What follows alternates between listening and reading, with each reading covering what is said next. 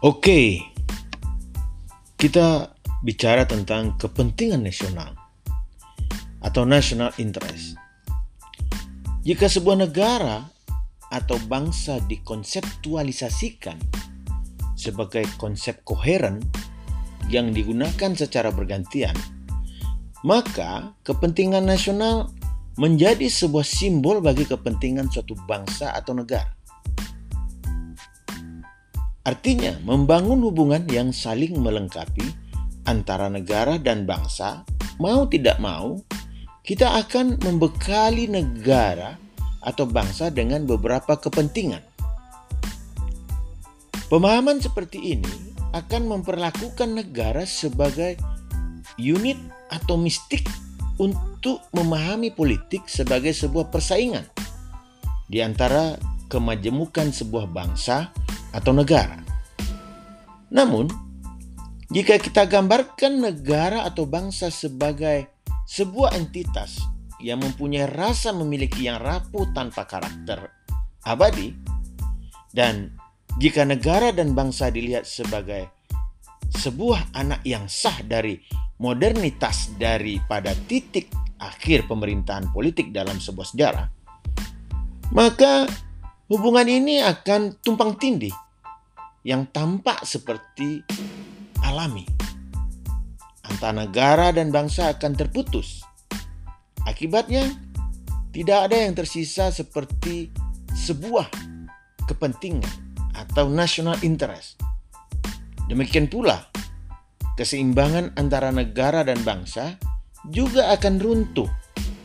Dengan demikian dapat dikatakan bahwa perspektif ini akan dapat menciptakan opini tentang sebuah kebenaran.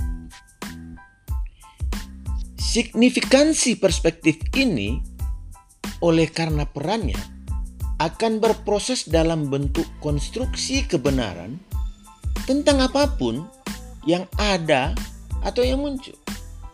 Dan ini tidak akan bisa dipungkiri akan dapat memberikan sebuah ketegangan atau rivalitas tension di antara perang epistemologis tentang isi kebenaran perspektif politik.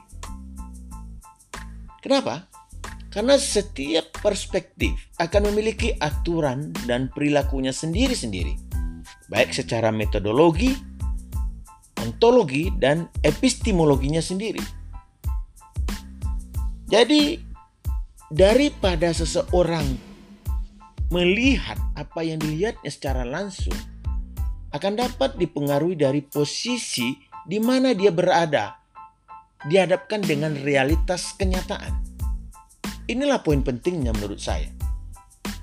Dan ini harus terus-menerus menjadi sebuah pemikiran kita atau sebuah riset kita menjadi pandangan relativitas epistemologis yang pada akhirnya akan mendapatkan hubungan dialektis dalam setiap dan kondisi terkini. Karena dengan tanpa mengabaikan hubungan antara perspektif dan pengetahuan tentang hakikat kebenaran, saya dapat mengatakan bahwa tidak ada gunanya memaksakan sebuah pemikiran dari definisi kepentingan nasional saja. Namun sebaliknya malah, setiap bangsa atau negara dalam perilaku sosial masyarakatnya akan memahami konsep tersebut dalam kaitannya di tatanan hidup bernegara.